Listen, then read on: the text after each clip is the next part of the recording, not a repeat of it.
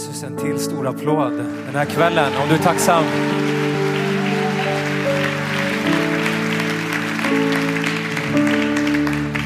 Wow, fantastiskt att se så många här ikväll. Är du taggad för den här stunden? Underbart. Jag pratade med en, en gammal vän kan man väl säga om tiden och vi växte upp här i kyrkan. Då satt vi bara i den här sektionen och vi stod där nere och predikade bara dit. Nu predikar vi till hela huset här ikväll. Så det är fantastiskt att se så många här. Underbart. Vi kommer ha lite annorlunda kväll eh, idag. Som ni vet så har det varit Love Week. Det var alla hjärtans dag i eh, tisdags, var det, eller hur? Eh, och därför vill vi fokusera lite grann på just kärlek den här kvällen. Eller hur älskling? Jajamän. Är ni redo? Ja. En person var redo. Så jobbigt med Face ID här när man ska sitta. Yes. Nej, men vi vill tala lite grann om, om just relationer den här kvällen och eh, det är ett väldigt stort ämne. Det är väldigt vitt och brett. Vi kommer inte kunna täcka allting idag. Men visst finns det lite singlar här inne ikväll, eller hur? Yes. Det var lite suckan så här, yes. Får vi se hand upp här. Fantastiskt. Underbart. Har vi några gifta här ikväll då? Var det lite mer jubel? Har vi några dejtande par här ikväll? Oj, oj, oj. Ta det lugnt här, ta det lugnt. Underbart. Ja. Skämt åsido. Vi ska ha en underbar kväll. Vi tror att Gud kommer få tala in i era hjärtan den här kvällen. Eh, så låt oss bara börja det på rätt sätt och lägga den här stunden i Guds händer. Så Fader, vi tackar dig för den här kvällen. Vi välkomnar dig till den här platsen. Vi ber att du ska få tala in i våra hjärtan den här kvällen. Vi ber att, att vi ska få den korrekta bilden av hur du vill att vi ska leva i våra relationer. Hur vi ska hitta den rätta Fader och hur vi ska ära våra liv och våra relationer, våra äktenskap till dig Jesus. I Jesu namn och allt folket sa. Amen. Amen. Underbart. Eh, vi, tänkte, vi tänkte börja med att dela lite grann kring våran story. Eh, för er som inte känner oss, jag heter Mikael, det här är min fantastiskt vackra fru Louise. Och eh, vi har varit gifta, hur länge har vi varit gifta? Kommer du inte ihåg det? Jo, men jag, jag, jag kollar om du vet det.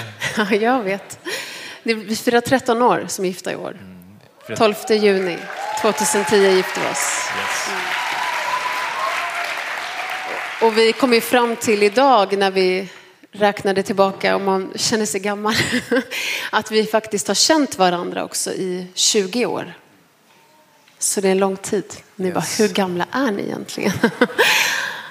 Våran story går tillbaka en bit kan man säga. Way back.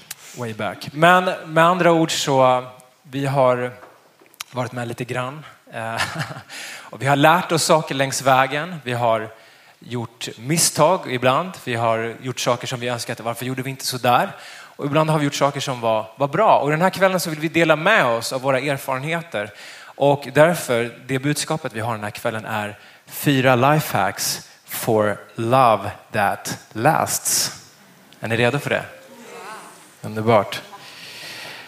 Men eh, vi har lite bilder här också som vi tänkte börja med att visa. Vi bjuder på oss själva Vi ikväll. bjuder på oss själva. Vi dör från oss själva. Det här måste varit 2008 kanske. Något sånt där. Ja, det spelar inte så stor roll. Så såg vi ut. här har vi oss Jag har inte ett rött öga utan det var bara dåliga kameror på den tiden. unga och förälskade. Vi gifte oss 13 år sedan och idag så har vi tre barn och lever livet. Inget är perfekt, men det är underbart. Men vi kommer från lite olika bakgrunder du och jag. Ehm, Ska du börja berätta lite om din? Jag kan börja berätta lite om min. Eh, Men kort, vi ska dra i korta drag bara eh, så att det får en liten bakgrund. Så kommer inte jag från en kristen familj eller uppväxt. Utan jag växte upp med jättefina föräldrar, mamma och pappa. Eh, men som inte var frälsta, som inte trodde på Jesus, hade en tro på Bibeln, utan man trodde på, jag brukar säga att man trodde på allt annat än Jesus nästan. Tenim, the new age, vi hade väldigt mycket olika saker i mitt hem. Eh, men eh, mina föräldrar var inte gifta, de visste inte hur de skulle bygga en familj helt enkelt, hur de skulle bygga sin relation. Så att det finns ingenting i mig som klandrar dem idag för att de separerade när jag var fem år gammal och min syster var två år. Eh, utan de separerade då, så jag levde med, med skilda föräldrar och eh, eh, fick en väldigt, eller ja, jag hade en väldigt dålig bild egentligen av, av äktenskap och av, av familj. Och det var väldigt mycket som hände, det var väldigt tumult i, i olika faser och tider. Eh, av min uppväxt. Men när jag var sju år gammal så blev min pappa frälst. Och jag märkte att någonting hände i hans liv, att han blev förändrad. Eh, och någonstans där så började Gud börja göra ett verk i mitt liv. För jag var otroligt, eh, jag mådde väldigt dåligt i allt det som jag gick igenom. Så man kan säga att jag hade ingen liksom förebild att se upp till när det kommer till mitt eget hem, till min egen familj. Även om jag har fantastiska föräldrar som jag älskar så mycket och har en underbar relation till idag. Eh, men när jag växte upp så fanns det ingen role model. Liksom. Eh, så att jag kommer från den bakgrunden. Och jag kom hit och jag kände mig som liksom, alla är perfekta i den här kyrkan, alla har perfekta familjer, trodde jag. Så lyfter man lite på mattan och så inser man så är det inte. Det finns ingen perfekt familj, det finns inget perfekt äktenskap, men det finns en perfekt Gud. Amen. Precis, och eh, vi bodde ju grannar när vi var små. Ja. Så när vi var sju år gamla så bodde vi vägg i vägg här i Hammarbyhöjden. Och mm. Hennes familj var inte kristen och inte frälst. Mm. Men hennes pappa har berättat i efterhand att han brukade höra ett konstigt språk på andra sidan väggen. Han tänkte sig, pratar de arabiska? Men så visade det sig att det var min mamma som bad i tungor. Och hon kanske bad för Louise familj, vem vet? Han blev frälst under den tiden. Jag är övertygad om att det var på grund av deras böner. Men vi ska inte gå in så mycket på vår story, mer än så. Long story short så träffas vi flera år senare här i församlingen. Och jag kommer från, jag kommer från en familj eh, med en, en trygg uppväxt, en hel familj. Jag har sett mina föräldrar älskar varandra. Jag har sett min morfar och mormor älska varandra. Så att jag hade, jag hade kanske jämfört med Louise en mer upprättad eh, bild av hur en relation ska vara. Och, och precis som hon sa, även om man har det och det kan se fantastiskt ut på utsidan så, så spelar det i slutändan ingen roll för den enda kärleken som kan göra en hel. Det är Guds kärlek. Och det var någonting som jag fick erfara i mitt liv. Men, men vad jag bar mig in i vår relation var att jag hade ändå ett exempel eh, att ha med mig. För att den absolut största välsignelsen man kan få med sig i sitt liv det är att det är att få träffa personen man ska få dela sitt liv med men också att få tjäna Gud tillsammans. Eh, och eh, det, det är någonting som Gud har för var och en av er. Han har en dröm för er. Han har en, en plan för er. Och att det är att ni ska få en hel upprättad familj. Det spelar ingen roll vilken bakgrund ni har eller vad, hur er familj har sett ut. Gud kan upprätta vad som helst. Och vad vi vill dela med oss den här kvällen, det är, det är en bråkdel av allt man kan dela med oss. Men vi vill att, att du ska förstå att Gud har en framtid för ditt liv. Han har ett hopp för dig. Du kanske kommer från en familj som har varit splittrad, som har varit trasig. Från ditt liv ska det ske upprättelse från ditt äktenskap, från din relation som du en dag ska kliva in i. Det ska vara helat, det ska vara starkt och eh, du ska få kliva in i någonting fantastiskt. Vill du det? Amen. Amen. Och relationer och, och äktenskap och allt vad kärlek innebär, det kanske inte är någonting som vi alltid pratar tillräckligt mycket om i kyrkan. I, jag tycker man borde prata mycket, mycket mer om det. Och faktum är att, att Många gånger om vi kollar på hur den här världen ser på kärlek, ser på relationer och hur man ibland kliver in i, relationer eller äktenskap, det är att man har inte förberett sig någonting för det man är på väg in i. Om du ska utbilda dig till att bli en läkare eller en jurist eller en you name it, så förbereder ju dig i flera år för att förstå vad är det jag faktiskt ska göra? Hur ska jag göra det här? Hur ska jag kunna liksom, tillämpa allt det här som jag lär mig för att jag ska lyckas i mitt yrke? Och vi förbereder oss år ut och år in, vi tar praktik och vi investerar massor med tid och pengar för att vi ska bli det här som vi ser framför oss till att bli. Men när det kommer till våra relationer så är vi inte alls förberedda. Vi har inte alls förstått vad innebär det att kliva in i en relation? Vad innebär det att älska en person mer än mitt eget liv? För jag tror alla människor, kristen som okristen, att man vill ha, man vill ha ett lyckligt liv. Man vill ha ett lyckligt äktenskap där man är trofast, där man har trohet, att man, att man älskar varandra. Men vi förbereder oss inte för det. Vi investerar ingen tid, vi, vi sätter inte in det här som vi behöver för att kunna kliva in i den, i den relationen vi vill kliva in i. Det är som att du sätter dig i din bil och du bestämmer dig för att jag ska åka till Kiruna härifrån Stockholm. Men om du inte har en karta, om du inte har ett GPS, då kommer du åka fel. Du kommer i slutändan hamna på fel plats, på fel destination och på samma sätt om inte vi har en tydlig inriktning, en plan. Hur ska, jag, hur ska jag göra det här? Hur ska jag hitta rätt person? Hur ska jag behandla henne eller honom? Då kommer du hamna helt fel i slutändan. Och Gud vill inte att du ska hamna på fel plats i ditt liv. Han, han vill inte att du ska gå i, på nit, nitar liksom, eller gå i en fälla, utan han vill ge dig inriktning. Och det är därför vi har Guds ord. Guds ord är som en karta, en kompass som leder oss rätt, som hjälper oss att fatta rätt beslut i våra liv. Amen. Amen. Så att du ska få berätta älskling, vad säger Guds ord? Vad är Ja, vi alla har en bild av relationer.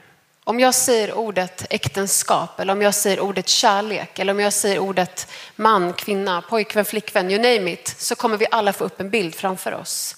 Och den bilden kan se väldigt olika ut beroende på var vi kommer ifrån, beroende på hur vår uppväxt har sett ut, beroende på vad vi har liksom influerats av, beroende på vart vi har hämtat råd ifrån. Eh, och, och, allt det här liksom ger oss en bild och det kan vara en negativ bild. Om jag, jag nämnde kort här att jag hade en negativ bild av ett äktenskap. Så när jag kom hit och fick höra om familjen, jag fick höra om att, man, att, man, att, liksom, att gifta sig så skar i mig. För jag tyckte det var så jobbigt att höra. För jag, jag hade någonting som behövde helas och upprättas i mig. Men det finns också att, att åt andra hållet, man kan ha en felaktig bild som är en romantiserad bild som, som inte är liksom verklig utan allt är bara fluff. Liksom. Och när man ser verkligheten så blir man besviken. Och, man, har hem, man har bara suttit och kollat på romantiska filmer och liksom bara, bara fyllts med saker som inte är verkligt. Så att när, när vi talar om att ha en rätt bild av äktenskap, av familj, så talar vi, precis som Micke nämnde, vi talar inte om, om den här, vad den här världen säger, vi talar inte om vad sociala medier säger, vi talar inte om vad våra vänner säger, eller det som vi, du och jag faktiskt kommer ifrån i vår uppväxt, när vi talar om vad Gud säger, vad Guds ord säger. Alla med på det?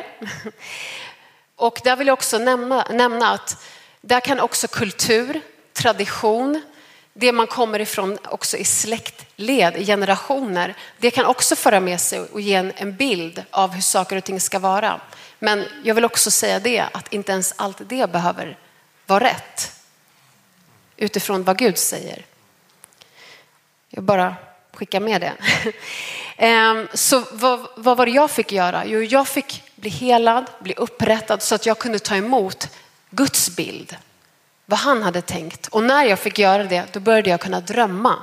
Jag började kunna drömma om att gifta mig. Jag började kunna drömma om att bygga upp en egen familj för Gud.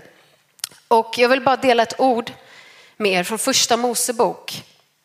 Så att vi bara lägger en grund här innan vi går in på de här lifehacksen. För det handlar inte om att jag och Micke ska sitta och ge olika tips här. Eh, utan det handlar om i första hand vad Bibeln säger. Och det står i första Mosebok 1, vi ska läsa vers 26 till 28 och sen kapitel 2, vers 24. Gud sa, låt oss göra människor till vår avbild, lika oss. De ska råda över havets fiskar och himlens fåglar, över boskapsdjuren och hela jorden och alla kräldjur som rör sig på jorden. Och Gud skapade människan till sin avbild. Till Guds avbild skapade han henne. Till man och kvinna skapade han dem. Och Gud välsignade dem och sa till dem, var fruktsamma och föröka er. Uppfyll jorden och lägg den under er. Råd över havets fiskar, himlens fåglar och alla djur som rör sig på jorden. Och sen står det i kapitel 2, vers 24. Därför ska en man lämna sin far och sin mor och hålla sig till sin hustru och de ska bli ett kött. Och det finns så mycket man kan säga om, om äktenskap och familj, men jag vill, bara lägga en grund och definiera några saker utifrån det här bibelstället. Och jag vill också verkligen poängtera det här bibelstället, för att just det här bibelstället är det krig om. Det finns agendor, det finns personer och det handlar inte om bara de här personerna. Men, men det finns en agenda från fienden som vill ta bort det här ur Bibeln, de här verserna. Där det står att Gud skapade oss till man och kvinna. Och därför vill jag bara emphasize och lyfta upp det här ordet. För att Bibeln säger att summan av Guds ord är sanning. Du och jag, vi kommer från ett samhälle där man vill knepa och knåpa precis som man själv vill.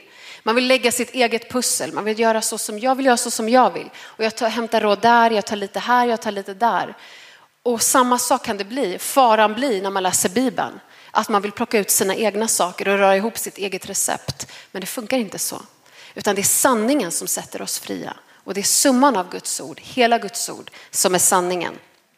Men det första syftet med äktenskapet, det är att vi kallade att återspegla Gud. Det står, vi läste i vers 26, att vi skapade till Guds avbild. Att Gud skapade mannen och kvinnan till, Guds, alltså till, till hans egen avbild. Att vi är kallade att vara lika Gud. Och, och, det får vi höra många gånger, vi ska, vi ska bli lika Jesus och allt det här. Jag, ska, jag behöver jobba på att jag ska vara lik Jesus och sen i vår relation är tanken, Guds tanke att vi ska återspegla Gud med våra liv. Att vi ska återspegla Gud som individer, men också i vår relation. Att vår relation, vårt äktenskap, vårt hem ska vara en reflektion av vem Gud är. Det ska vara en reflektion av Guds kärlek, av hans frid, av tålamod, av självbehärskning. Och då kan man ju titta på sin egen uppväxt. Och jag är övertygad om att du tänker massa saker som inte kanske reflekterat Gud. Och vet du, så är, så är det i våra liv. Vårt hem är inte perfekt, våra liv är inte perfekta, eller hur älskling? Absolut inte.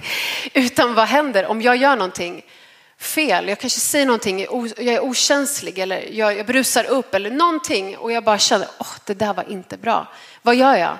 Förlåt älskling. Det där var, förlåt när jag sa, sa det där till dig. Förlåt om jag sårade dig. Liksom. Vi, vi säger förlåt till våra barn. Aron, förlåt mig när mamma höjde rösten idag på det sättet som jag gjorde. Förlåt mig om jag sårade dig, det var inte okej. Okay. Okej. Okay. Okej då. men, men vad vill jag säga med det här? Jo, det handlar inte om perfektion, men det handlar om den här hela tiden längtan efter att reflektera Gud med våra liv. Att våra liv ska spegla honom. Och det är det som äktenskapet också är tänkt att göra. Att liksom det första Gud inrättade, det var inte kyrkan, det var inte någon institution, det var familjen. Det var äktenskapet och därför ligger det så högt på Guds hjärta. Och, och, hans längtan är att få vara med i det här, att bygga familjen, att han ska få vara i centrum, att hans närvaro ska få vara mitt i din relation. Det andra läser vi vers 20, i kapitel 2, vers 24. Vad är syftet med äktenskapet? Jo, att vi ska vara ett. Att vi ska vara ett. Nu sitter vi här med den här kolossen emellan oss. Jag hade velat sitta närmare dig egentligen. Men det får vara en bild på att det finns så mycket saker som vill komma emellan en.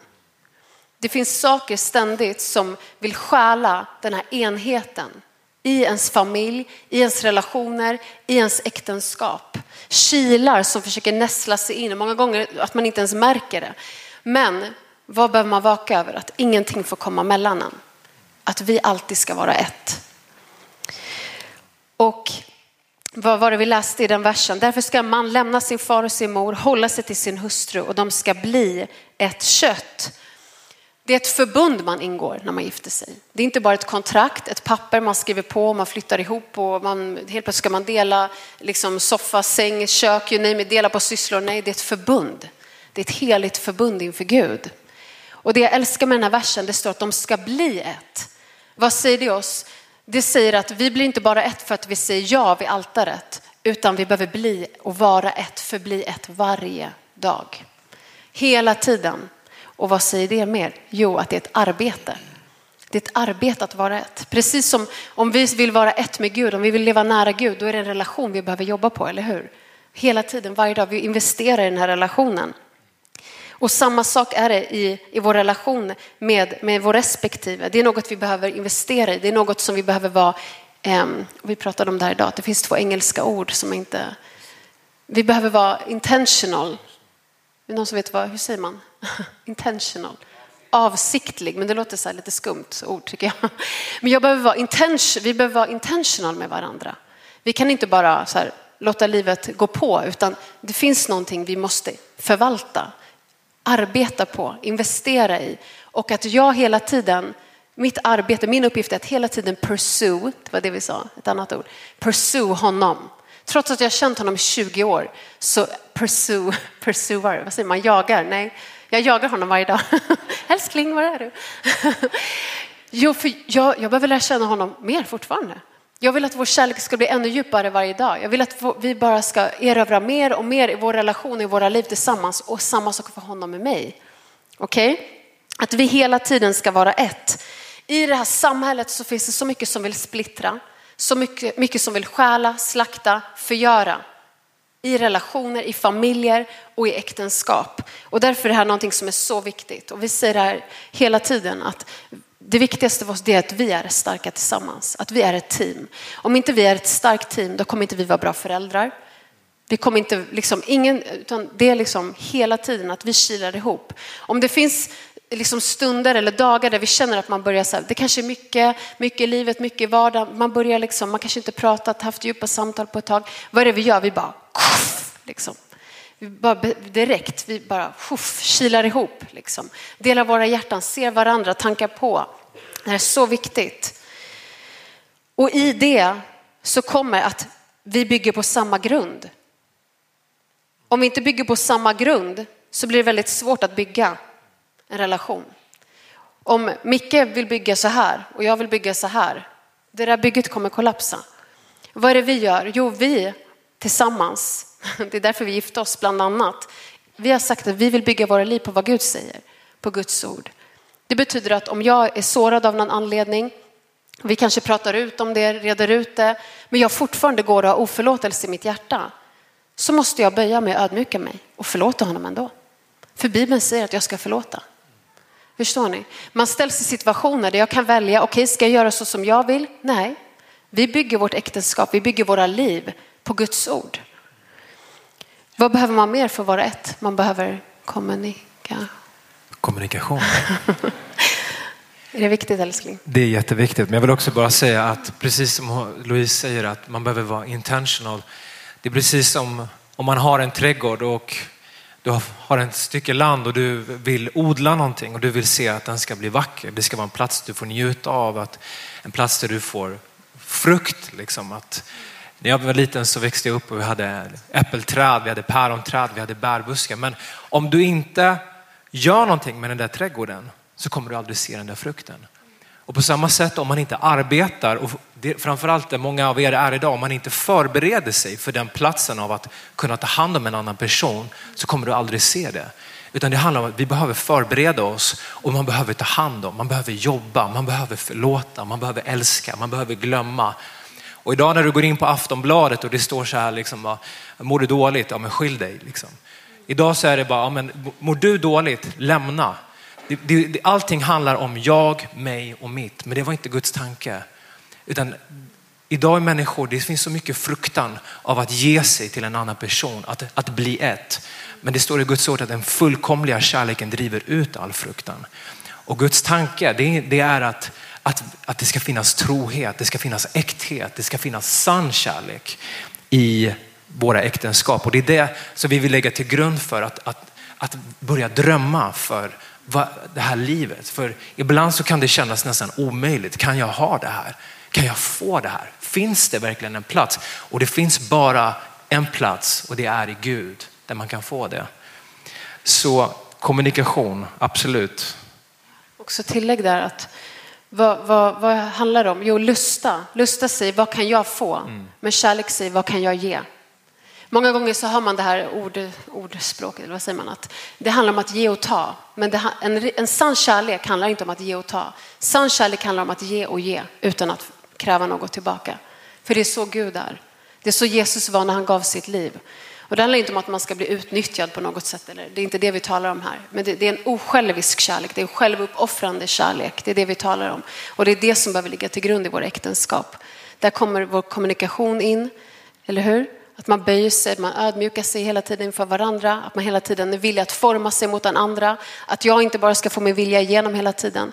Intimitet handlar också om att vara ett. Och det handlar också om vad, vad liksom vad, när, jag hör om, när jag hör ordet intimitet, det handlar inte bara om sex, men det är även sex också. Vilka influenser har jag haft i mitt liv? Liksom, när jag hör det här, vad har jag, vilka erfarenheter har jag med mig? Har det jag har varit i, kanske tidigare relationer, har det varit utifrån lusta? Har det varit utifrån vad kan jag få liksom, eller vad den personen ska få? Men, men i ett äktenskap som, som Gud ska få bygga så handlar det om att, att ge, att ge av sig själv till någon annan. Och att det är också en så viktig del i det som Gud har skapat. Men tyvärr är det något som den här världen har gjort så perverst. Så perverst. Och därför är det så viktigt. Vilka influenser har vi? Är det, är det du nämnde TikTok, Thea, så jag nämner TikTok. Är det TikTok?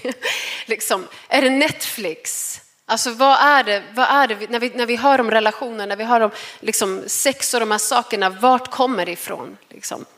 Det är så otroligt viktigt. Så vad är källan? Vad, vad är det liksom, din bild?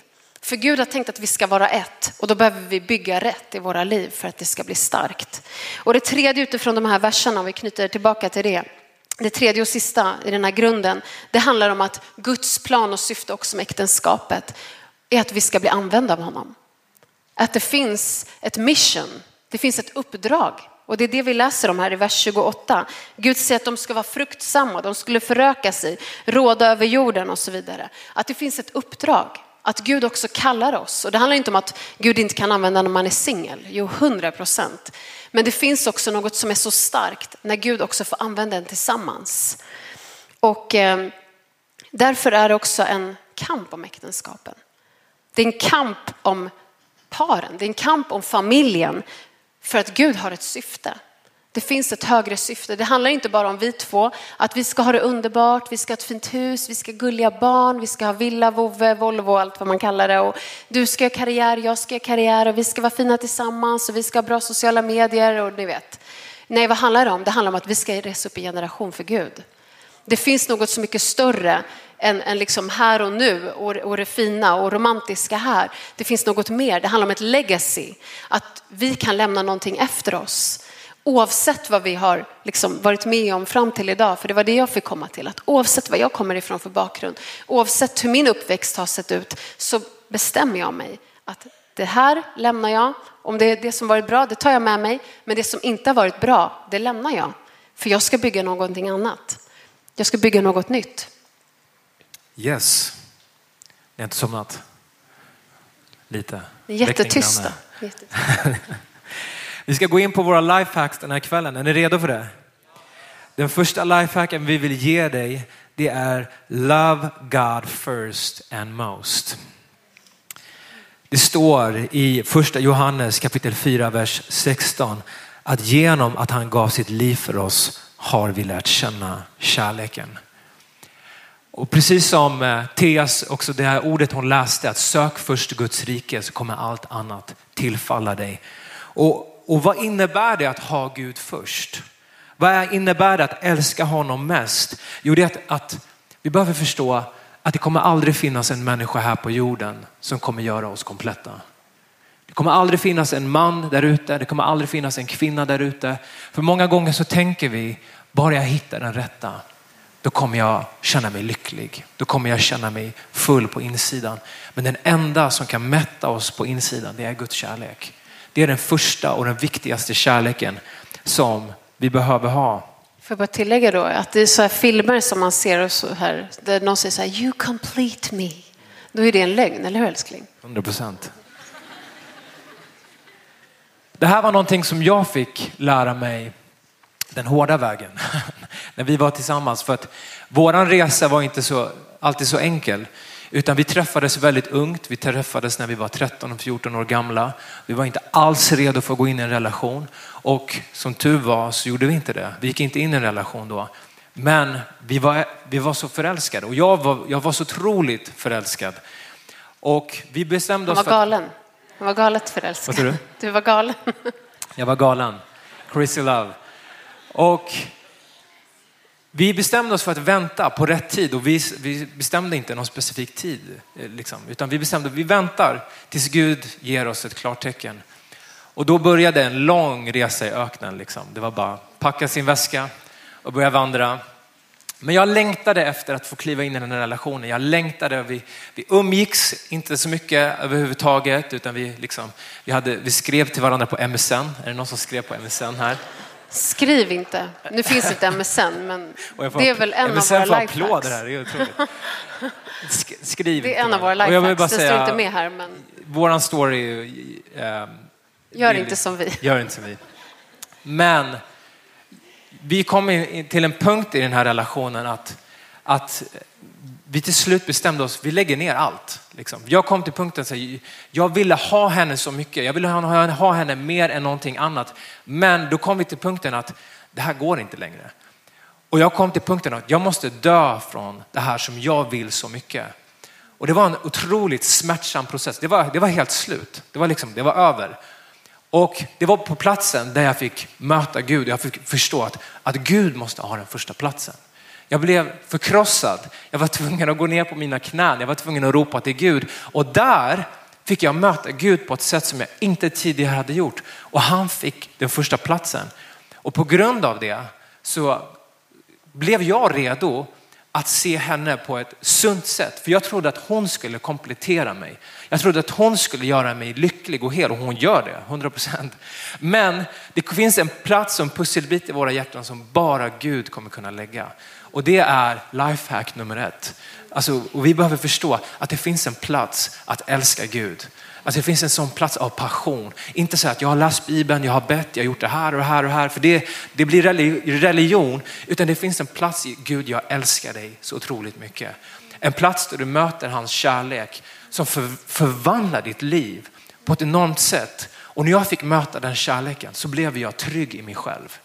Istället för att jag var orolig för vår relation så visste jag att jag hade min identitet i Gud. Och det var revolutionerande. Så det är det första lifehacken vi vill ge dig den här kvällen. Och det gäller ju både alltså innan du träffar någon, men också sen när du har gift dig. Mm. Alltså, Det har, det har följt med mig hela, liksom hela vår relation och hela vår resa. Och det är inte förrän du förstår vem Gud är som du förstår vem du själv är. När du förstår vem Gud är, då förstår du att jag är skapad i hans avbild.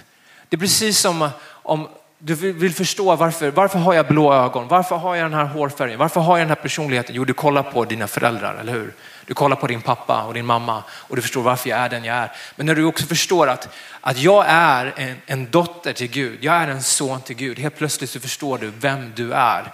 Och det är inte först du, du vet vem du är som du kan kliva in i en relation för att ge ditt hjärta till någon. Du behöver ha din identitet i Gud. Du behöver ha din identitet, jag är en son, jag är en dotter till Gud. Det är det fundamentet för allting för att du ska bygga en starkt och hållbar relation och äktenskap. Och om, om, du, om vi kliver in i en relation och vi är sårade, vi är halva, vi är skadade. Hur ska två sårade människor bli ett?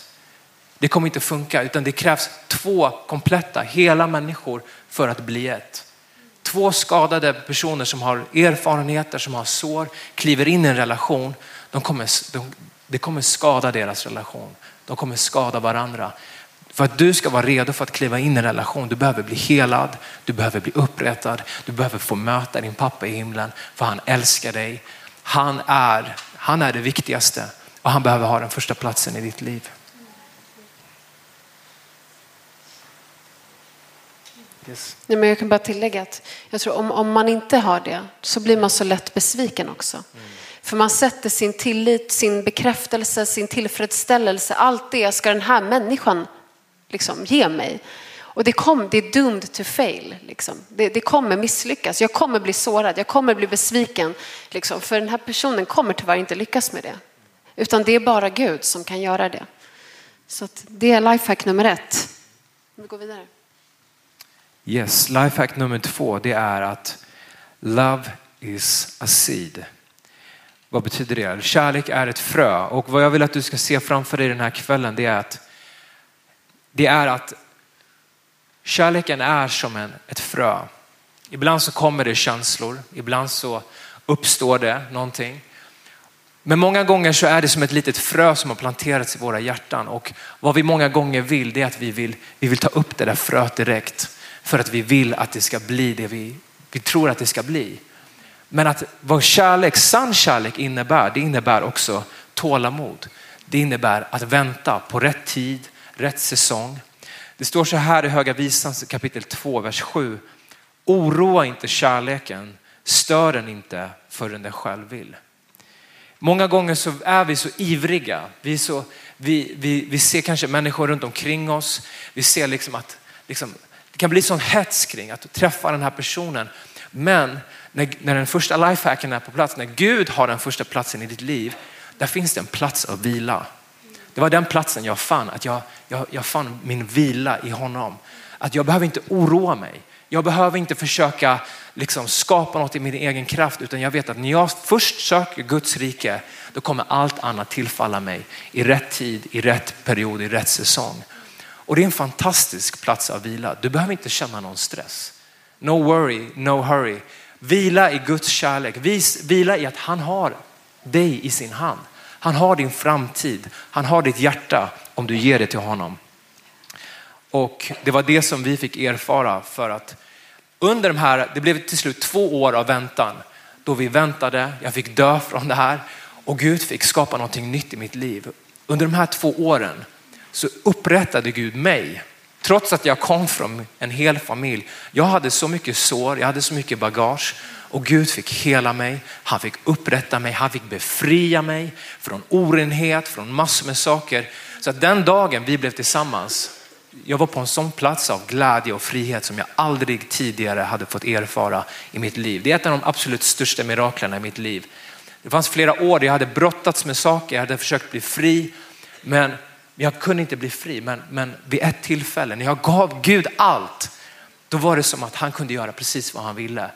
Så att jag är så tacksam till att vi väntade på rätt tid, rätt säsong och, och, det är det Gud vill göra med dig också. Han vill inte att du ska känna någon oro, känn ingen stress, vila i Gud. Lär känna honom mer och du kommer få se hur han öppnar rätt dörr i rätt tid för ditt liv. Och det vi också vill säga med det, det är att din bästa tid är nu. Kan du säga det till din granne? Din bästa tid är nu.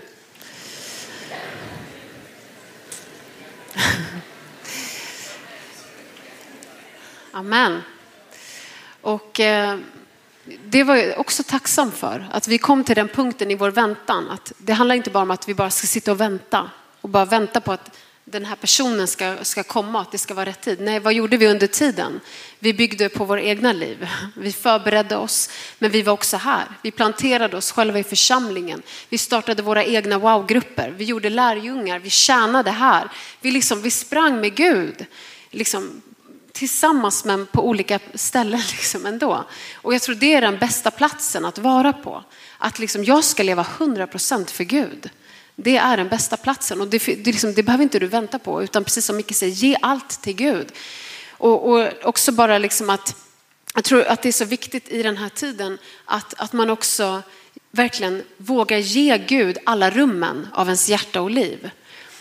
Eh, jag märker att vi har jättemycket metaforer ikväll och bilder av saker, men eh, det är bara för att hjälpa att förklara. Men, men det är som att du, liksom, du köper en lägenhet och liksom på bilderna och, och, så. Och när du kommer dit så ser allting jätteflashigt ut, jättebra ut, det är jättesnyggt, allt är nyrenoverat och fixat. Eh, men när du, när du flyttar in där, liksom skriver på det här kontraktet, flyttar in där så visar det sig att det börjar läcka, liksom, bakom väggarna och det finns mögel under, under mattan på golvet. Du vet, sånt är inte kul. Men tyvärr kan det vara så med ens liv om man inte tar itu med saker. Om man låter saker finnas kvar men som man vet egentligen inte ska vara där. Och vad kan det vara? Det kan vara synd, det kan vara smärta, det kan vara sår, det kan vara olika saker som, som man behöver ge till Gud. För inget av det där ska finnas med när man gifter sig. Återigen, det betyder inte att man behöver vara perfekt när man gifter sig. Men du vill inte ha en lägenhet med mögel, eller hur? Du vill inte ta med dig mögel in i ditt äktenskap och din, din familj, din blivande familj. Utan allt det där behöver vi rensa ut, eller hur? Låta Gud komma och bara blåsa ut allting och bygga upp någonting nytt från scratch. Amen. Lifehack nummer tre. Good friendship is fundamental.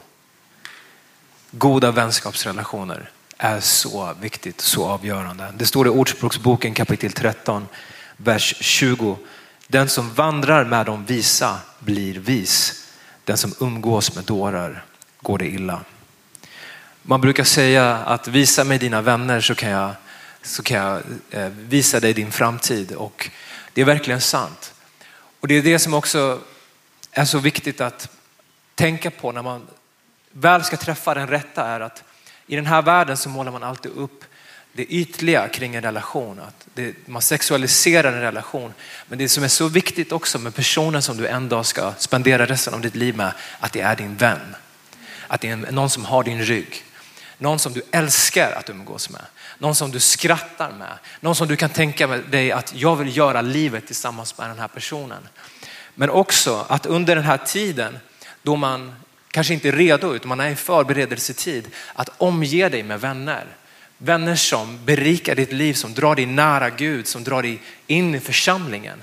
För det är också så avgörande av vilka vänner man har, det påverkar en också hur man kanske kliver in i en relation en dag, hur man väljer livspartner. Så att vänskap, det är så, så viktigt. Jag vill bara uppmuntra er att investera i vänskap idag.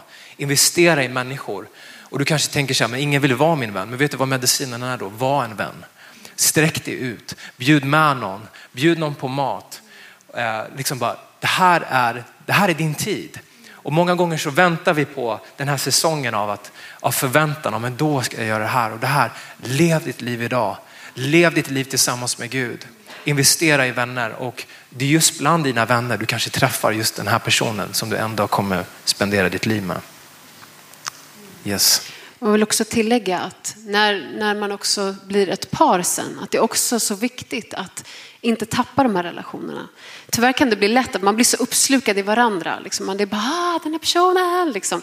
Att, att man liksom, kanske nästan glömmer de andra relationerna. Men det är inte okej, okay, utan man behöver vänner i sitt liv. Och även när man gifter sig också. Man behöver vänner, det är så viktigt. Det gäller hela ens liv.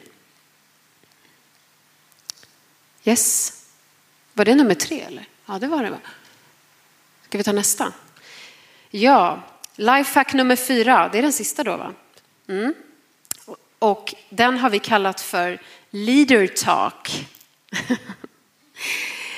Eh, och vi ska läsa från första Johannes brev kapitel 1, vers 7.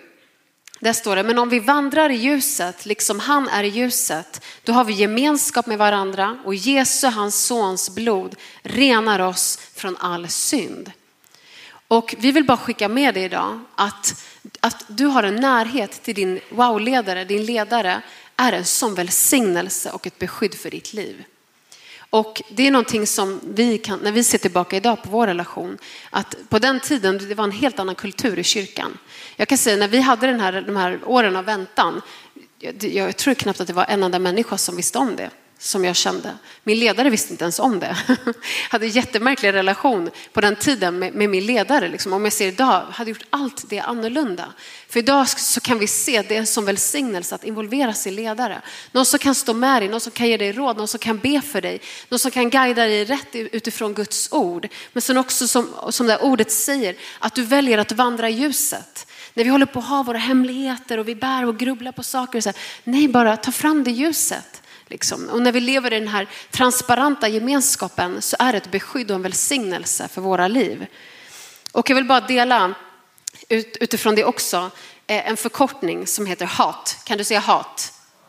Som är också en nyckel eh, en nyckel i, när det kommer till det här med, med, din ledare, men också sen i ens relation och när man är gift. Och bara, det är en förkortning och alla de här tre bitarna är så viktiga. Och den första H står för honest. Kan du säga honest? Att vara ärlig. Var ärlig. Var ärlig med din ledare. Var ärlig i din, i din relation. Liksom. Det, det, funkar aldrig att, att bygga på någonting där det, inte, där det inte är ärlighet. Det river ner tilliten i våra liv. Utan vi ska, vi ska vara ärliga. Eh, O står för open. Kan du säga open? Att vara öppen. Att se som det är. Lägga korten på bordet. Liksom, jag, jag, jag har ett intresse för den här personen. Liksom. Vad ska jag göra? Alltså man behöver inte göra det så, så stort och så, så invecklat. Ordet T står för transparent. Kan du säga transparent? Att vara transparent. Alltså om vi lever så här, det är som välsignelse. Självklart med rätt person, med din ledare, en person som du har förtroende för. Det är ett beskydd för en. Amen. Har du fått något den här kvällen? Man skulle kunna ha hundratusen lifehacks, men vi förstår att du skulle inte komma ihåg alla. Därför har vi tagit de här fyra som har varit så essential för oss. För att, att vi sitter här idag, det är inte för att visa upp en, en fin fasad, utan det är ett mirakel. Det är ett mirakel att Louise kom till den här kyrkan. Det är Guds nåd. Det är Guds nåd. Eh, och att han har varit med oss i vår resa. Och, och, och, det här är lite annorlunda kväll, det är ingen vanlig predikan. Det blir mer som att vi sitter i vardagsrummet och pratar. Och eh, vad vi vill framförallt säga till dig den här kvällen, det är att, att Gud har en plan för ditt liv. Han vill upprätta dig. Han vill upprätta din bild om den har varit trasig, av negativa erfarenheter. Du kanske har varit i relationer tidigare. Faktum är att en av våra pastorer som planterat en församling i norra Spanien, han växte upp i en kristen familj, han hade allting, men han valde att gå ut i världen och han började sälja droger, han var ute på nattklubbar, han var med hur många kvinnor som helst och han nådde botten. Men Gud upprättade honom. Han förnyade honom. Han helade honom. Han gav honom en fru. Och när de stod här vid altaret och skulle gifta sig så var det som att allting var borta. Gud, det finns ingenting som Gud inte kan hela. Det finns ingenting som Gud inte kan upprätta. Och om eh, Louise familj kom från spillror, från en skilsmässobakgrund. Men att idag får, får vi sitta här tillsammans och vi får deklarera en ny framtid för våra barn. På precis på samma sätt ska du få göra det för din framtid, för dina barn. Och ibland så kan det funnits liksom förbannelser, så här, beteenden som har funnits med från generation till generation. Ja, men min, min farfar var otrogen, min pappa var otrogen, ja, jag kommer kanske vara otrogen. Nej, det är inte Guds plan för ditt liv, utan du ska vara trofast. Du ska bli en klippa. Att, att förbannelsen är bruten genom Jesu blod. Och, och det är det vi vill avsluta med att säga att varför vi sitter här, varför min familj tjänar Gud här i församlingen idag, mina syskon, mina systrar, mina föräldrar. Det är bara Guds nåd. Det är bara hans godhet. Och den godheten gäller ditt liv om du vill ta emot den. Men det innebär också att, att vi behöver ge allt vad vi har till Gud. Att se Thea och Jaffet stå här den här kvällen och, och berätta sitt vittnesbörd. Hon var på väg att ta sitt liv. Idag så tjänar de Gud tillsammans här. De är helade, de är upprättade, de har ett lyckligt äktenskap. Och Gud har gjort sådana otroliga mirakler med så många människor. Och han vill leda dig till rätt person i rätt tidpunkt. Du behöver inte oroa dig. Du behöver inte försöka liksom, hitta fram till den här personen. Lita på Gud. Lita på hans kärlek till dig för han älskar dig så otroligt mycket.